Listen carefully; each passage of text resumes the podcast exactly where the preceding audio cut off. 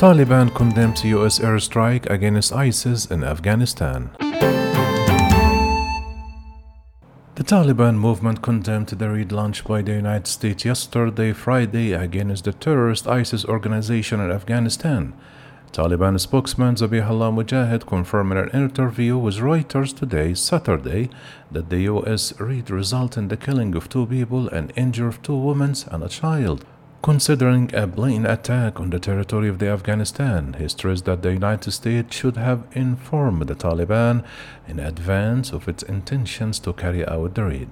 The Pentagon announced today there is a raid in Nangarhar province in eastern Afghanistan, resulting in the liquidations of two ISIS leaders and wounding off a third one without causing any civilian casualty. The raid was carried out after the bombing of the vicinity of Kabul airport last Thursday, which killed 200 people, including dozens of Afghan civilian and 13 American soldiers, and the largest daily loss of the United States and its forces in 10 years.